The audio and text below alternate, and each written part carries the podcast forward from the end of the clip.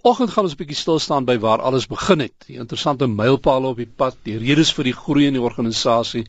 En by ons in die ateljee, ek moet sê sonder verjaardagkoek te loops, is die uitvoerende hoof van uh, solidariteit en uh, Flip Buys, Flip Môre. Ja, goeiemôre Kobus. En uh, sy uh, die adjunk uitvoerende hoof van solidariteit, Dr Dirk Herman. Dirk Môre. Goeiemôre Kobus. Kom ons begin by die begin. Altyd 'n goeie plek om te begin hè. En uh die oorsprong, as julle sê julle is 110 jaar oud hierdie week. Uh dis nie met die naam solidariteit nie. Uh Ja. Dit is die eerste vakbond wat in hom opgeneem is. Ja, Kobus, uh, dit het maar gegaan, dit het maar begin na die oorlog, uh weet net so die 100 jaar gelede die eh, plase was verwoes. Ons ken almal daai geskiedenis en baie van die boere van destyds het na die uh, stede toe gestroom na die myne toe om werk te soek en hulle daarso eh, kontak uh, gemaak met die ou Transvaal Miners Association en 'n hele klomp van die uh, Engelssprekende mense wat eintlik die vakbond in Suid-Afrika toe gebring het en hulle het saam daai die weer die vakbond gestig, later sy naam uh, verander na South African Mine Association en byna Mynwerkers Unie en nou baie jare later het ons dit nou in solidariteit uh omskep. Hmm. Maar uh, sodat dit 'n baie ou uh, geskiedenis. Die uh daai beginjare Dirk Herman, dit was uh, dit was ook storm en drang jare uh, want jy het 'n groep burgers gehad wat um, wat 'n oorlog verloor het. Uh, wat plase verloor het, wat in armoede ingedryf is en nou kom hulle stad toe om in 'n heeltemal 'n nuwe veld vir hulle te kom werk. En dit moes dit moes tog uh, aanleiding gegee tot 'n hele klomp ehm um, wat kan 'n mens noem? Maar storm en drang. Kom ons hou dit maar so. Dit was absoluut 'n storm en drang jare gewees. Jy kan jouself voorstel, hier is die boere, hulle idee is vryheid, hulle werk op plase. Toe kom die oorlog. En na die oorlog sit hulle in 'n situasie waar hulle in die eerste plek hulle vryheid verloor het, hulle het hulle republieke verloor. Hulle is as bannelinge weggestuur. Hier kom hulle terug as bannelinge. In hulle koppe is hulle nog vry mense en skielik moet hulle myne toe. Skielik hier in die klein gangetjies ondergronds moet hulle skielik begin leef. Dit het natuurlik tot gevolg gehad dat daar 'n klomp uitdagings vir hulle was ter wille van oorlewing. En daar was toe 'n interessante troue tussen die Engelse immigrante wat meer sosialisties was en hierdie boere wat eintlik baie sterk nasionalisties was en in hulle koppe gehad het dat die vakbond selfs kan help met die herstel van die vryheid van die republieke. So dit was 'n baie interessante tyd. Nou daar het 'n klomp goed gebeur daarna.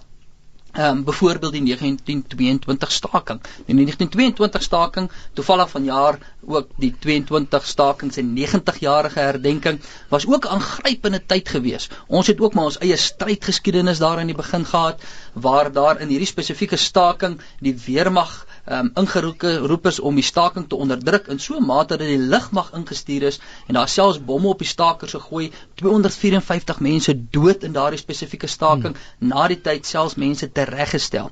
So dit was 'n absolute moeilike tyd om te kan oorleef en die ou mynwerkers unie se uitdaging was gewees om antwoorde te bied. In die eerste plek 'n antwoord te bied op die uitdagings van die politieke veranderings. Dit wil sê die ehm um, nuwe politieke stelsel, ordeverandering na die um, vredesluiting van vereniging hmm. en in die tweede plek 'n uitdaging te bied vir die nuwe industriële omgewing waarin die mense skielik was. En dis baie dieselfde soort van uitdagings wat 'n mens ook 100 jaar later beleef het met ook 'n politieke ordeverandering en weer nuwe hmm. ekonomiese uitdagings.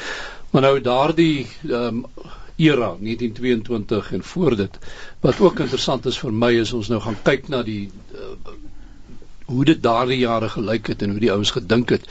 Uh jy het nou verwys na sosialisme, uh, maar daar was 'n baie sterk kommunistiese inslag in in hierdie hele ding ook. Uh, dit was eintlik 'n die kommuniste wat daardie ding gelei het. Wit Afrikaans sprekende. Ja kommuniste. Ehm um, Kobus, eh, weet jy my geskiedenis kom ook daarvan. My oupa was daai tyd in die myne, hy het nou nie 'n leiersrol gespeel nie, maar hy was ook aan daai staking betrokke gewees. En wat daardie tyd is die vier want onthou 1922 is baie na aan 1917 wat die Russiese revolusie in Rusland was. Hmm. So die inligting het maar stadig getrek daai jare en daar's ouens wat met die vuurkleur en die rooi vlag saam uh, geloop het in die staking, weet uh, met 'n slagspreuk van Workers of the World Unite for a White South Africa. Jy weet dit is 'n uh, dit is ander jare gewees en ehm um, dit was daar was baie gemengde ideologieë daai tyd gewees. Maar uh ek het al die verhaaltjie vertel van my uh oupa hulle was destyds uh, sommer almal saam op die Wanderers cricketstadion almal toegesluit gewees en dit het my oupa ewige renons in in jou Jan Smuts gegee en baie jare later by die poskantoor toe hy enige seël moes koop en hy kry net 'n Jan Smit seël toe sê nog vir my so met 'n vonkel in die oog. Hy sê nou moet ek nog die ou uh weet sy agterkant lek ook om uh, my brief te kan pos. Maar in elk geval uh, so die ideologie was daai tyd was maar uh, dit was moeilike jare soos jy reg sê storm en drang jare en uh maar die geskiedenis het aanbeweeg en uh professor Visser uh, arbeidshistorikus van Stellenbosch wat 'n boek oor die geskiedenis geskryf het, het gesê dat die geskiedenis van die vakbond en van die land het by baie van hierdie belangrike momente weer in die 40er jare, weer in die 60er jare, in die 70s en die 80s hmm. en so aan en ook met die met, met die eeuwending het uh, weer die geskiedenis het saamgeloop. En uh, en dit is wat ons probeer vandag doen is om te sê dit help nie mense ehm um, weet staan net stil by die omstandighede nie. Jy moet kyk wat jy kan doen in die omstandighede en uh, ons uh, probeer ook dat die vakbond 'n rol speel om uh, 'n uh, wesenlike verbetering in mense se lewens aan te bring.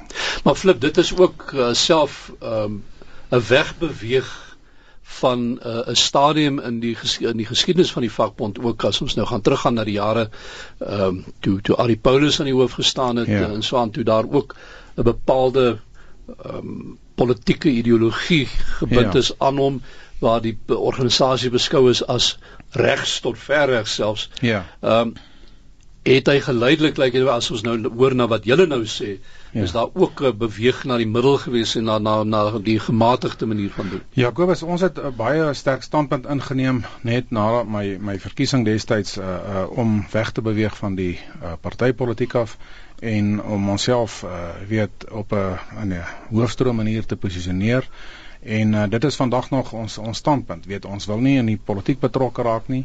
Ons dink ook dat die vakbondwese totaal verander. Jy weet vakbond het ontstaan in die ou nywerheidsera. Ons is nou in 'n totale moderne wêreld.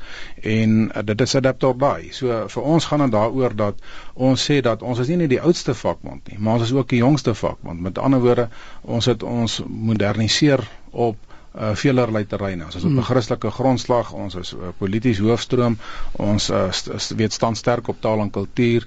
Uh weet vir ons gaan dit oor die markekonomie. Ons is nie sosialisties nie. En ons het ook besef dat uh, jy weet daardie wat uh, Paul Creer gesê het neem die beste uit die verlede en bou die toekoms daarop.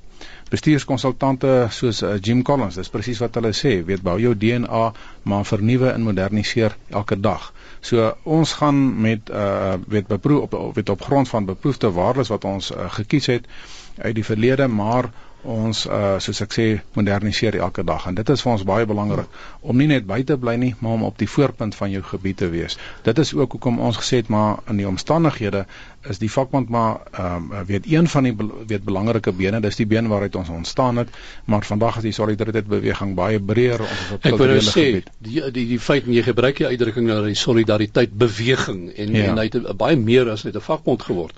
Uh Dirk uh, die die ontstaan daarvan waar waar het die uh, verandering om uh, jy weet gekom. Dat dat julle nou ek wil amper sê 'n breë kultuurorganisasie is. Jakobus ek het nou nou genoem dat die uitdaging 100 jaar gelede of bietjie meer as 100 110 jaar gelede was gewees om antwoorde te bied vir mense in 'n veranderde politieke en 'n veranderde ekonomiese omstandigheid. Nou hier rondom 1994 dit was amper 100 jaar nadat ons gestig het, um, was daar weer twee groot omwentelings in Suid-Afrika. Die eerste een was hierdie politieke omwenteling met 'n nuwe politieke orde en die tweede plek ook 'n ekonomiese ontwenteling. Interessant is die mense praat ook van 94 as die geboorte van die inligtingrevolusie met die koms van die internet en skielik moet jy nou vir mense antwoorde bied in die nuwe ekonomiese uitdagings en die nuwe politieke uitdagings. Maar wat ons toe agtergekom het is hier na 94 hierdie tradisionele Afrikaner organisasies met 'n bestaanskrisis te maak gehad, want hulle was redelik geposisioneer rondom daardie twee magsblokke, die KP en die NP voor 94 dit het tot 'n val gekom, 'n hele nuwe idee raamwerk het daar tot stand gekom en hoe bied ons antwoorde daarop? En dit was die uitdaging vir die ou mynwerkers hierdie ook. Dit was 'n uitdaging om relevant te kan bly. En toe die mynwerkers unie gesê, maar wat moet ons doen om dit te kan doen? En ons het toe begin nommer 1 om 'n hele nuwe intellektuele idee raamwerk rondom die mynwerkers unie te skep wat later dan neerslag gevind het in solidariteit. En hierdie idee raamwerk het gesê dat ons moet antwoorde bied in 'n na 94 manier spesifiek dan antwoorde bied in die burgerlike samelewing want ons het gesê dat die politiek in 'n demokrasie is nie voldoende om die uh, om die demokrasie te laat balanseer nie. So die rol van die burgerlike samelewing hmm. was ongelooflik belangrik en toe het ons begin besef dat die antwoord lê nie net in vakbondwese nie. En ons het 'n klomp studie daaroor gaan doen. En ons het ongelooflike dinamika ontdek in die Christelike idee van vakbondwese wat natuurlik 'n baie sterk tradisie, ou tradisie, amper net so sterk soos die sosialistiese tradisie um, in die wêreld. Die sosialistiese tradisie wat baie meer glo aan die sentrale mag en die Christelike tradisie wat baie meer glo aan selfverantwoordelikheid. En binne hierdie nuwe idee raamwerk van die Christelike tradisie en selfverantwoordelikheid het ons begin antwoorde bied in die na 94 omgewing en daardie antwoorde sluit dan hmm. in sterk instellings. En toe het ons begin om instellings rondom solidariteit te begin vestig, aanvanklik die helpende hand geherloods, dit is spesifiek op die maatskaplike kant. Dit is belangrik om dit te sê, ekskuus ek val jou in die rede, maar dit is 'n herloodsing van helpende hand. Helpende hand is nie 'n organisasie wat uh, gister ontstaan het. 65 jaar oud. Hmm. Hy het 'n dinamiese geskiedenis. Ehm um, hy het baie nou uh, ook eh, 'n uh, rol gespeel destyds uh, in die sogenaamde arm blanke vraagstuk. En uh ehm um, so die helpende hand 'n lekker lang ook historiese rol in Suid-Afrika, maar ons het gesê dis ook nie voldoende nie. So toe het ons begin beweeg na burgerregte toe met AfriForum en toe 'n klomp ander instellings spesifiek op die opleidingsterrein. Maar die interessante is Kobus, ons het nie wegbeweeg van ons historiese DNA soos Flip gesê het nie. Ons het daar 'n historiese DNA in plek gehou en voortgesit en nuwe inhoud daarin gegee en nou skielik is ons 'n relevante organisasie vir die uitdagings ook vir die nuwe tyd 110 hmm. jaar oud maar ons is onsself so geposisioneer dat ons ook in die volgende 110 jaar nog steeds hier gaan wees. Ek wil 'n bietjie kyk flip na ons 'n paar van die ander organisasies nou verwys na help in hand, maar daar ja. is ook ehm um, AfriForum Ja. Die FHK selfs ook nou in ja, hulle onder die hele sambreel ingetrek. Ja, die FHK is nou 'n selfstandige vennoot uh as deel van die solidariteit beweging. Ons lê ook baie sterk klem op opleiding Kobus. Ons het uh, uh weet ons eie tegniese kolleges, ons het ons eie Afrikaanse universiteit is uh, die die eerste fase daarvan begin. So opleiding is ook uh weet in die in die kern van wat ons doen. Dan is uh, die bevordering van die Afrikaanse taal en kultuur is ook vir ons belangrik. Dit is waar ons onder andere byvoorbeeld Marula Media begin het en ons ook nou saamwerk met gemeenskapsradiostasies.